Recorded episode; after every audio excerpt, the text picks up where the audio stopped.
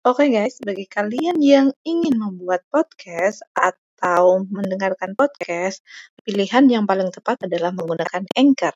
Anchor adalah aplikasi mudah bagi kalian yang ingin membuat podcast atau mendengarkan podcast sesuai dengan keinginan kalian sendiri. Caranya gampang banget, tinggal kalian download di App Store atau di Play Store. Gratis. Selain itu, podcast yang kalian buat dengan Anchor dapat didistribusikan di Google Podcast, Spotify, Apple Podcast, dan lain sebagainya.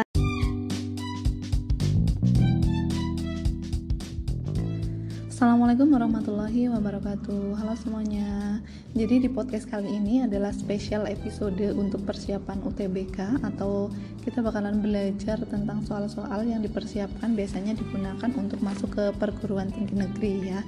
Jalurnya SBMPTN ataupun jalur mandiri seperti itu. Jadi bentuknya nanti ada tiga bentuk soal yang bakalan kita coba pecahkan. Yang pertama ada soal pilihan ganda seperti soal biasanya. Kemudian yang kedua ada soal benar salah. Soal benar salah ini berarti nanti ada dua pernyataan. Kalian itu diharapkan bisa menjawab A. Kita memilih A jika pernyataan pertama dan kedua benar dan keduanya memiliki hubungan sebab akibat. Kemudian kita memilih B jika pernyataan pertama dan kedua benar tetapi tidak memiliki hubungan sebab akibat. Kemudian kita memilih C jika pernyataan pertama benar dan pernyataan kedua salah. Kita memilih D jika pernyataan pertama salah dan pernyataan kedua benar dan kita akan memilih yang E apabila pernyataan pertama dan kedua salah. Kemudian jenis soal yang ketiga itu ada soal berupa pernyataan. Jadi di soal itu ada empat pernyataan. Dari empat pernyataan kalian itu boleh memilih A apabila pernyataan yang betul adalah nomor 1, 2, dan 3 kalian memilih B jika pernyataan yang betul atau yang benar adalah nomor 1 dan 3 kalian memilih yang C jika pernyataan yang benar adalah nomor 2 dan 4 memilih D jika pernyataan yang benar adalah nomor 4 dan kalian memilih E apabila pernyataan semuanya 1 2 3 4 itu betul semua seperti itu. Jadi langsung saja kita uh, coba bahas soal nomor satu. Jadi kalau soal nomor satu soalnya adalah faktor utama dibentuknya organisasi kepemudaan pada masa pergerakan nasional adalah yang A terdapat pengaruh dari pemerintah kolonial, yang B semakin banyaknya pemuda yang mendapat pendidikan formal, yang C, mulai munculnya kota-kota besar di Indonesia. Yang D, kontribusi dari banyak etnis Tionghoa dan Arab. Kemudian yang D, ada munculnya orang-orang baru akibat perdagangan. Jadi kalau yang ditanyakan faktor utama dibentuknya organisasi kepemudaan pada masa pergerakan nasional? Jawabannya adalah yang B. Semakin banyaknya pemuda yang mendapat pendidikan formal. Jadi kita coba ingat kembali, pergerakan nasional itu terjadi pada tahun sekitaran 1908 ya sampai seterusnya. Jadi pergerakan nasional itu sebenarnya adalah kesadaran dari orang-orang Indonesia bahwa kita itu harus bersatu untuk melawan penjajah seperti itu. Jadi tidak lagi bersifat kedaerahan tapi sifatnya sudah nasional. Dan pergerakan nasional ini dipengaruhi oleh dua faktor, ada faktor internal dan faktor eksternal. Faktor internalnya adalah kenangan akan kejayaan masa lalu. Jadi kejayaan-kejayaan masa lalu misalnya oh ya kita dulu pernah pada masa Majapahit pernah berjasa, berjaya. Pada masa Sriwijaya kita pernah menjadi negara yang hebat pada masa uh, Mataram kita juga pernah seperti itu. Jadi kenangan-kenangan itu mau muncul. Kemudian yang kedua, faktor yang kedua ada lahirnya golongan terpelajar. Faktor yang ketiga ada perasaan senasib dan sepenanggungan dari masyarakat Indonesia. Kemudian yang keempat ada penderitaan akibat penjajahan. Jadi empat itu adalah faktor internal dari munculnya gerakan uh, pergerakan nasional. Kemudian faktor eksternalnya adalah adanya kemenangan Jepang atas Rusia. Jadi kenapa sih kemenangan Jepang atas Rusia itu meningkatkan apa ya rasa solidaritas kita, kepercayaan diri kita sebagai bangsa Indonesia karena di situ tuh semacam memunculkan gagasan bahwa oh iya bangsa Asia itu bisa melawan bangsa Eropa. Jika Jepang itu bisa melawan Rusia, berarti Indonesia bisa dong menang melawan Belanda seperti itu. Jadi kalau ditanyakan berkaitan dengan masa pergerakan nasional apalagi faktornya ya berarti ada faktor eksternal dan internal gitu ya kemudian soal yang kedua soalnya ada beliung persegi dan kapak lonjong merupakan alat-alat bantu yang digunakan oleh manusia purba pada masa A. perundagian B. berburu C. bercocok tanam dan beternak yang D. mengumpulkan makanan atau yang E. bercocok tanam Oke, jadi kalau yang ditanyakan adalah masa manusia purba ya. Masa manusia purba itu dibagi hanya menjadi empat, yaitu ada Paleolitikum, Mesolitikum, Neolitikum, dan Perundagian kita cari nama lainnya ya. Kalau Paleolitikum nama lainnya itu berarti masa batu tua atau bisa disebut juga berarti apa? Masa berburu dan meramu. Meramu itu berarti mengumpulkan makanan. Jadi boleh dikatakan Paleolitikum itu nama lainnya boleh masa batu tua, boleh nama lainnya masa berburu dan mengumpulkan makanan. Kemudian yang kedua Mesolitikum Mesolitikum itu berarti masa batu madya, masa batu tengah ya, madya itu tengah. Dan nama lainnya bisa disebut juga sebagai masa berburu dan mengumpulkan makanan tingkat lanjut. Jadi masih sama berburu dan mengumpulkan makanan hanya tingkatannya lebih modern lagi dibanding yang pertama. Kemudian yang ketiga, yang ketiga itu ada masa Neolitikum.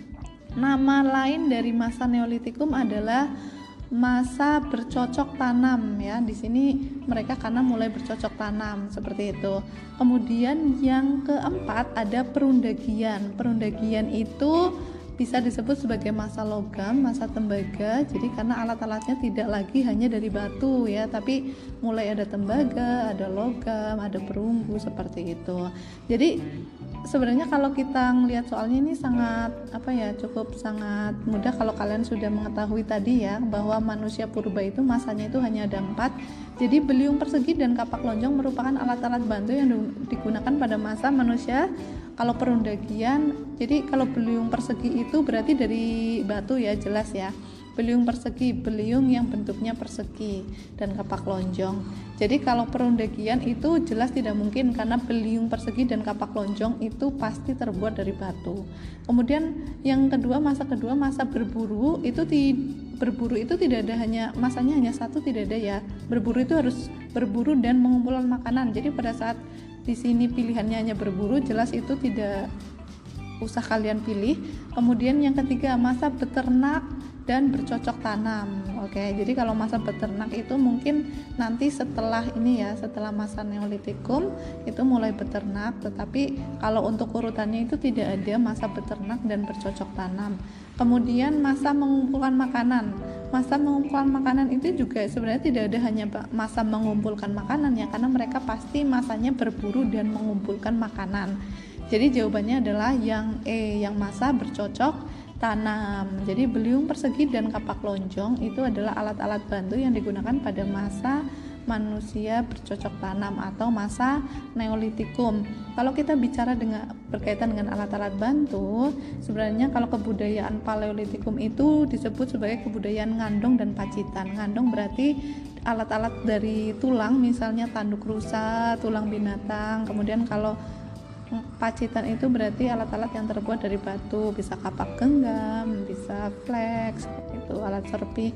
Kalau meso meso itu alat-alatnya masih sama dengan paleolitikum hanya lebih halus saja. Kalau pada masa neo itu berarti ada beliung persegi dan kapak lonjong.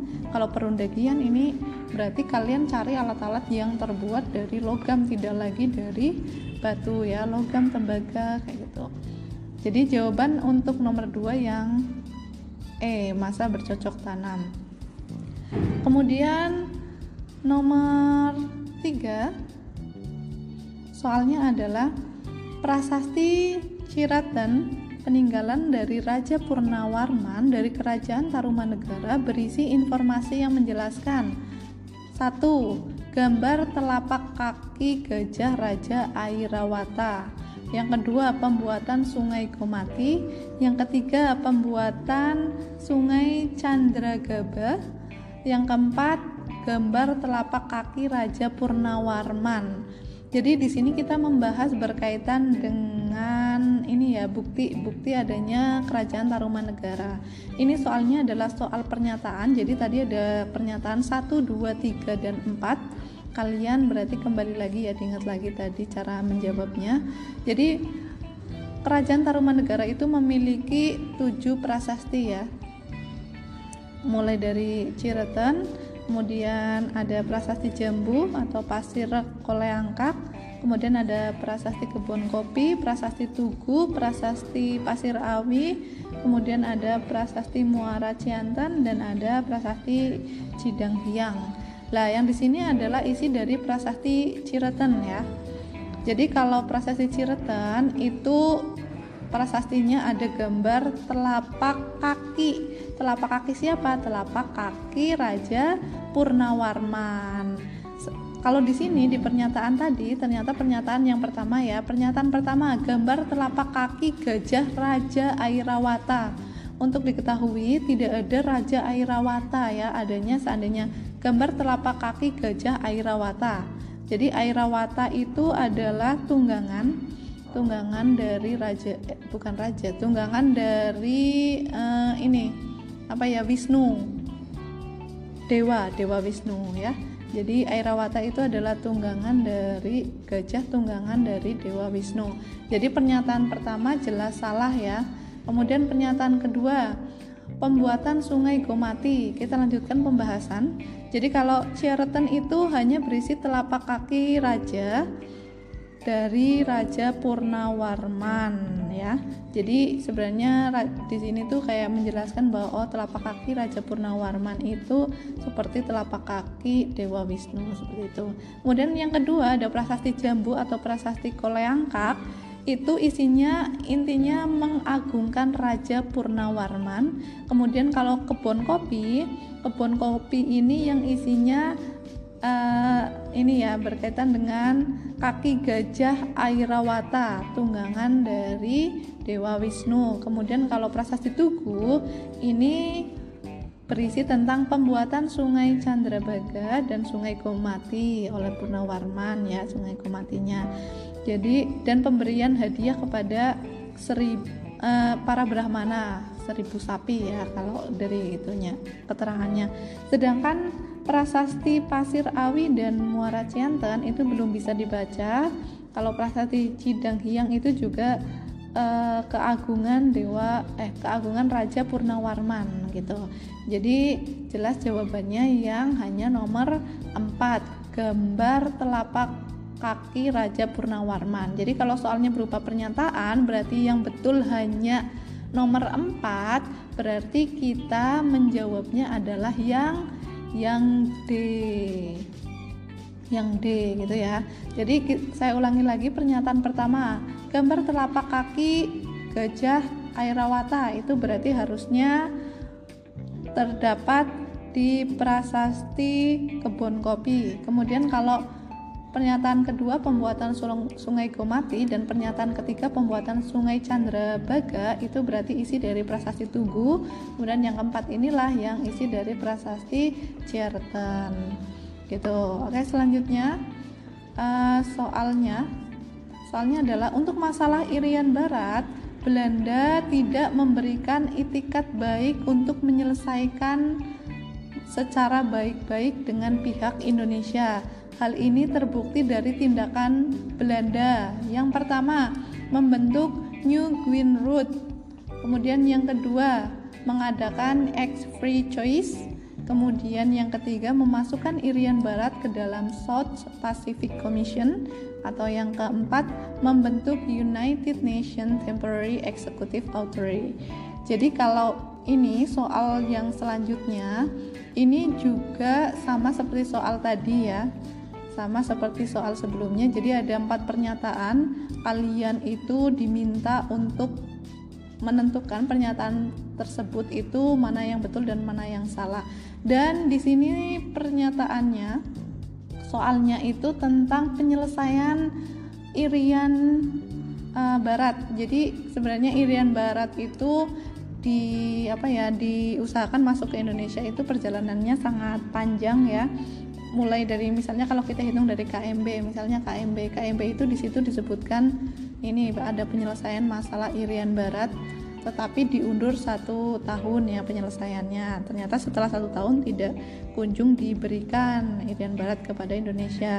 Kemudian karena tidak kunjung diberikan tuh Irian Barat akhirnya uh, di sini Indonesia pada tahun 1956 itu kayak membentuk provinsi secara resmi ya, Provinsi Irian Barat dengan ibu kota Swasiu di Tidore. Kemudian karena pembentukan ini muncul ketegangan antara Indonesia dan Belanda sehingga terjadi putus hubungan antara Indonesia dan Belanda itu tahun 60. Kemudian di sini Indone uh, Belanda Belanda itu mulai mendirikan negara boneka kemudian setelah itu tahun 61 uh, eh, presiden kita presiden pertama kita Soekarno itu mengeluarkan Trikora ya tiga komando rakyat yang isinya kayak gagalkan negara boneka kibarkan sang merah putih dan mobilis persiapan untuk mobilisasi.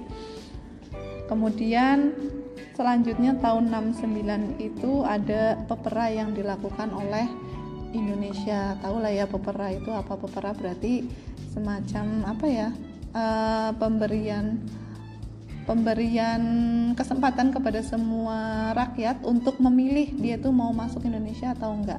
Kayak gitu. Opera ini di Indonesia pernah terjadi dua kali ya berarti untuk Irian Barat dan untuk Timor Leste atau dulu Timor Timur. Oke kita bahas ininya. Pernyataan pertama. Coba kita lihat ya. Pernyataan pertama itu ada membentuk New Queen Road. Kemudian pernyataan kedua mengadakan X Free Choice. Jadi kalau X Free Choice itu bahasa Indonesianya adalah pepera ya, pepera. Jadi ini pepera ini berarti bukan dilakukan oleh Belanda tetapi dilakukan oleh Indonesia. Kemudian memasukkan Irian Barat ke dalam South Pacific Commission atau Komisi Pasifik ya Pasifik Selatan, kemudian membentuk United Nations Temporary Executive Authority itu biasanya kalian mungkin dengarnya UNTEA, UNTEA ya, kepanjangannya itu tadi United Nations Temporary Executive Authority ya. Itu UNTEA. Jadi UNTEA itu adalah badan yang dibentuk oleh PBB untuk membantu Belen, uh, membantu Indonesia dalam penyelesaian Irian Barat. Jadi kalau kita tahu itu berarti jelas ya. Kalau nomor 2 mengadakan X Free Choice itu adalah dilakukan oleh Indonesia. Nomor 4 membentuk United Nations Temporary Executive atau UNTEA itu juga merupakan dibentuk oleh PBB tetapi di sini ada usaha Indonesia yang menginginkan uh, bantuan dari PBB. Jadi karena yang ditanyakan adalah bukti Belanda tidak memberikan itikat baik untuk menyelesaikan secara baik-baik mengenai Irian Barat, berarti jawabannya yang pernyataan satu dan pernyataan ketiga. Kalau pernyataan satu dan tiga yang betul, berarti pilihannya adalah yang B.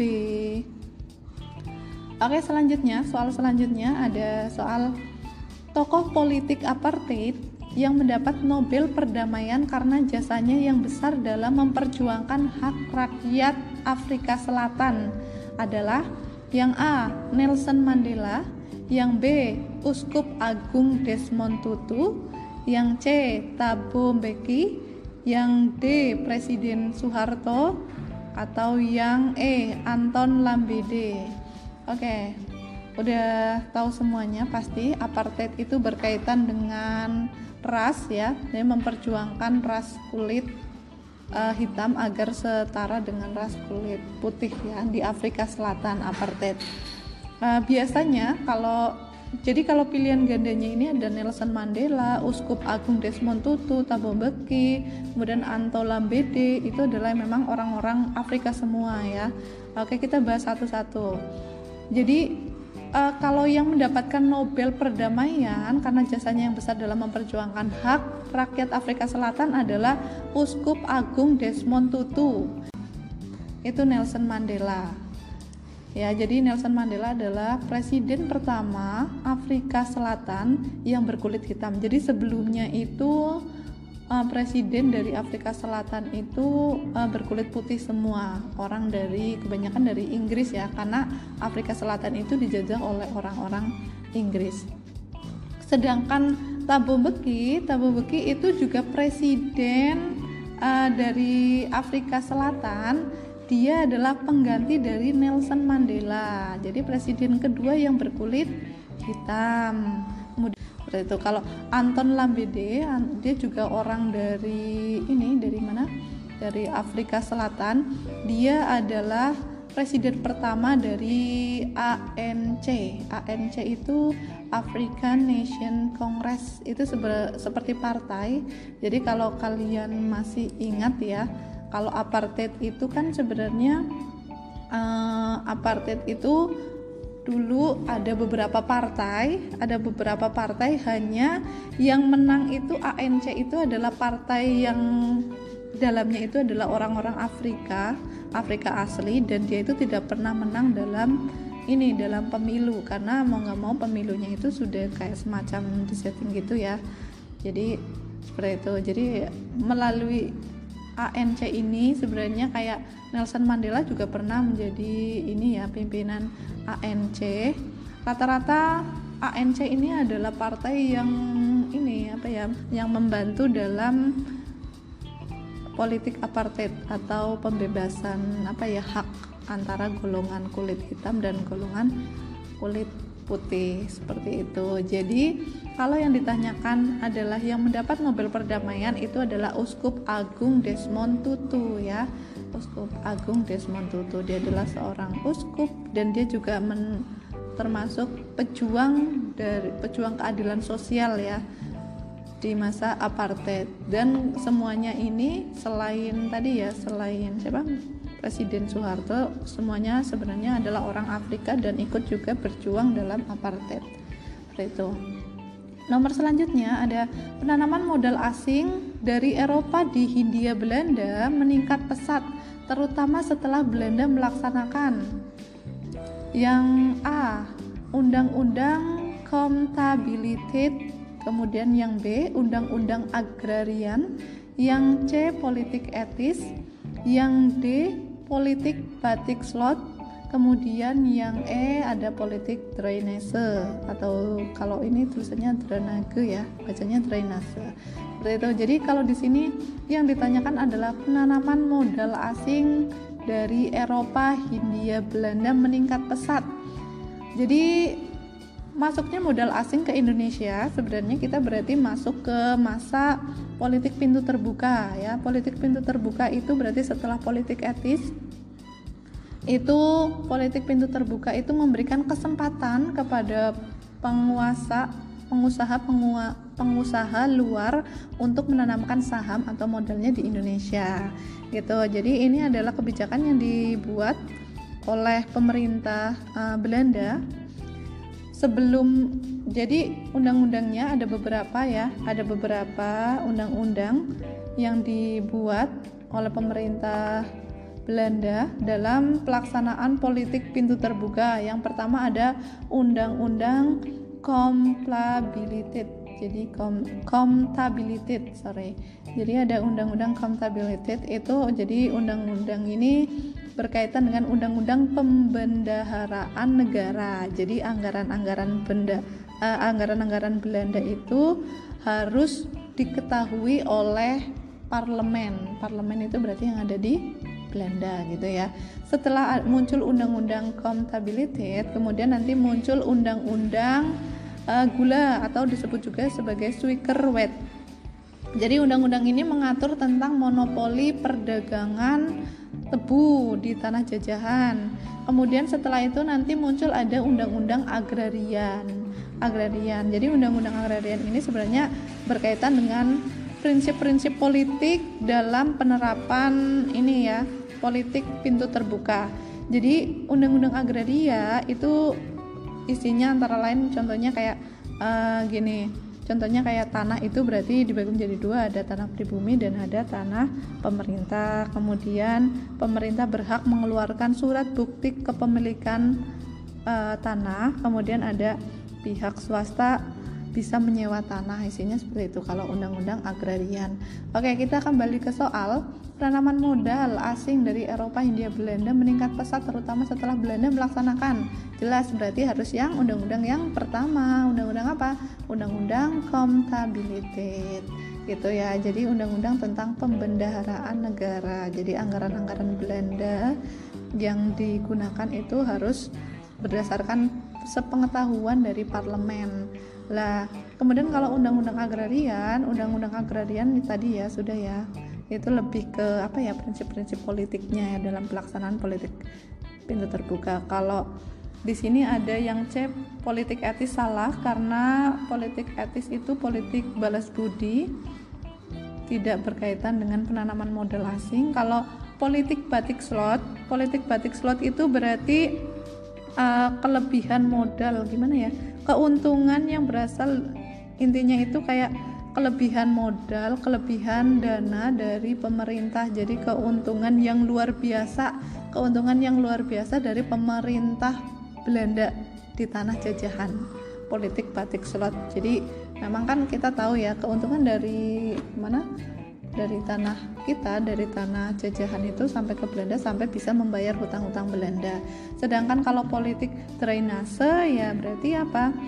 politik ini kayak penguruk pengerukan pengerukan kekayaan Indonesia oleh Belanda itu drainase jadi batik slot itu kayak keuntungan yang luar biasa ya seperti itu jadi jawabannya adalah yang A undang-undang accountability kemudian nomor selanjutnya tanda-tanda pemindahan kekuasaan kerajaan Mataram kuno dari Jawa Tengah ke Jawa Timur oleh Empu Sendok sudah terlihat sejak masa pemerintahan Raja Tuladang tahun uh, 919 sampai 927 Masehi. Hal ini didasarkan pada pertimbangan ekonomi yaitu yang A, keinginan untuk membentuk sebuah kerajaan yang besar dan luas, yang B, adanya sungai-sungai besar untuk lalu lintas perdagangan, yang C, menghindari konfrontasi langsung dengan kerajaan Sriwijaya, yang D untuk mengarahkan ekonomi kerajaan ke sektor maritim, yang E menghindari letusan gunung berapi. Oke, jadi kita memang tahu ya bahwa kerajaan Mataram kuno itu ada pemindahan pada masa Empu Sendok dari Jawa Tengah ke Jawa Timur. Mungkin sebagian kalian tahunya itu uh, ini tahunya karena letusan gunung berapi. Itu betul juga sebenarnya letusan gunung berapi. Hanya yang di sini yang ditanyakan adalah pertimbangan ekonomi. Pertimbangan ekonomi berarti berkaitan dengan bagaimana ekonominya. Kenapa sih kita kok pindahnya ke Jawa Timur kayak gitu ya. Jadi kalau keinginan untuk membentuk sebuah kerajaan yang besar dan luas itu bukan pertimbangan ekonomi ya lebih ke wilayah kemudian adanya sungai-sungai besar untuk lalu lintas perdagangan ya jadi jawabannya adalah yang yang B karena yang ditanyakan adalah perpindahan dari Jawa Tengah ke Jawa Timur berdasarkan pertimbangan ekonomi. Kalau yang menghindari konfrontasi langsung dengan kerajaan Sriwijaya, jadi Sriwijaya sama Mataram kayaknya kita beda ini ya, beda pulau ya. Kalau konfrontasi langsung tidak ya. Jadi untuk mengarahkan kalau untuk mengarahkan perekonomian kerajaan ke sektor maritim juga bukan. Kemudian menghindari letusan gunung berapi sebenarnya itu betul tapi bukan faktor ekonomi. Jadi lebih diteliti lagi ya. Jadi kalau faktor ekonomi jawabannya adalah yang B. Adanya sungai-sungai besar untuk lalu lintas perdagangan Kemudian soal selanjutnya, sejak Malaka dikuasai oleh Portugis pada tahun 1511, Banten sebagai kota pelabuhan dapat maju pesat karena A perdagangan eh pedagang-pedagang Persia, India dan Cina menghindari Malaka dan berlabuh di Banten untuk melakukan uh, perdagangan. Yang B, Banten memberikan jaminan keamanan karena Banten saat itu mendapatkan keuntungan berupa apa ini soalnya? Keuntungan mendapatkan keuntungan keuangan dari Belanda. Yang C, Banten terletak di tengah jalan perdagangan jalur sutra. Yang D, Kerajaan Banten tidak memungut pajak besar seperti halnya Malaka. Yang E, banyak perampokan di sekitar Selat Malaka yang membuat jalur tersebut menjadi tidak aman. Jadi kalau sejak Malaka dikuasai Portugis tahun 1511 itu memang pedagang-pedagang yang tadinya itu berdagangnya di Selat Malaka, mereka itu pindah ke pelabuhan Banten. Alasannya kenapa? Mereka itu menghindari perdagangan dengan Portugis ya. Jadi jawabannya adalah yang A. Kenapa menghindari perdagangan dengan Portugis? Karena Portugis itu menerapkan sistem monopoli sedangkan pedagang-pedagang Persia, India dan Cina mereka itu tidak mau sistemnya sistem monopoli seperti itu. Jadi dampak positifnya tetap ada ya. Jadi uh, pelabuhan Banten jadi lebih maju kayak gitu. Nanti karena Banten maju akhirnya nanti Belanda makanya sampai ke Banten juga ya. Selanjutnya soal selanjutnya ini adalah soal sebab akibat Pernyataan pertama, bangsa Arya merupakan pendukung peradaban Sungai Gangga yang terbesar di antara pegunungan Himalaya dan pegunungan Windyakeda. Kemudian pernyataan kedua, pernyataan kedua adalah bangsa Arya berhasil mengalahkan bangsa Dravida di lembah Sungai Indus dan menguasai daerah yang subur untuk bercocok tanam. Jadi ini berkaitan dengan sejarah India. Bagaimana orang-orang India ya? Kita tahu bahwa orang-orang India, suku India, suku asli India adalah bangsa Dravida atau bisa disebut bangsa apa ya pesek gitu ya hidung berhidung pesek kayak gitu kadang-kadang kemudian bangsa pendatangnya ada bangsa Arya jadi kalau kalian lihat orang-orang India kan kadang-kadang terlihat ini ya kok ada sih orang yang uh, orang asli India sama orang yang sudah campuran kayak gitu. Itu karena mereka berbeda ini berbeda nenek moyang ada yang bangsa Arya dan ada bangsa Dravida untuk pernyataan pertama bangsa Arya merupakan pendukung peradaban Sungai Gangga yang terbesar di antara pegunungan Himalaya dan pegunungan Widya Kenda yang ada di ini ya yang ada di mana? India. Itu pernyataan betul ya pernyataannya betul. Sebab bangsa Arya berhasil mengalahkan bangsa Dravida di lemas lembah sungai Indus dan menguasai daerah yang subur untuk bercocok tanam. Pernyataan kedua juga betul, hanya saja antara pernyataan pertama dan kedua itu tidak ada hubungan atau tidak ada sangkut pautnya karena pernyataan pertama itu menjelaskan tentang peradaban Sungai Gangga. Sedangkan yang pernyataan kedua menjelaskan tentang uh, bangsa Arya itu yang berhasil mengalahkan bangsa Dravida di Sungai Indus. Jelas beda gitu ya. Jadi jawabannya adalah karena pernyataan ke satu dan dua adalah betul tetapi tidak memiliki hubungan berarti kita pilih yang yang B. Oke selanjutnya. Selanjutnya ada soal juga sama yaitu soal sebab akibat jadi pernyataan pertama pada tanggal 19 Agustus 1991 telah terjadi kudeta untuk menggulingkan Presiden Mikhail Gorbachev. Namun kudeta yang didalangi oleh Menteri Menteri Dalam Negeri dan Menteri Pertahanan serta Kepala KGB itu gagal. Pernyataan kedua, rakyat di bawah pimpinan Boris Yeltsin dan militer menentang keras upaya kudeta tersebut.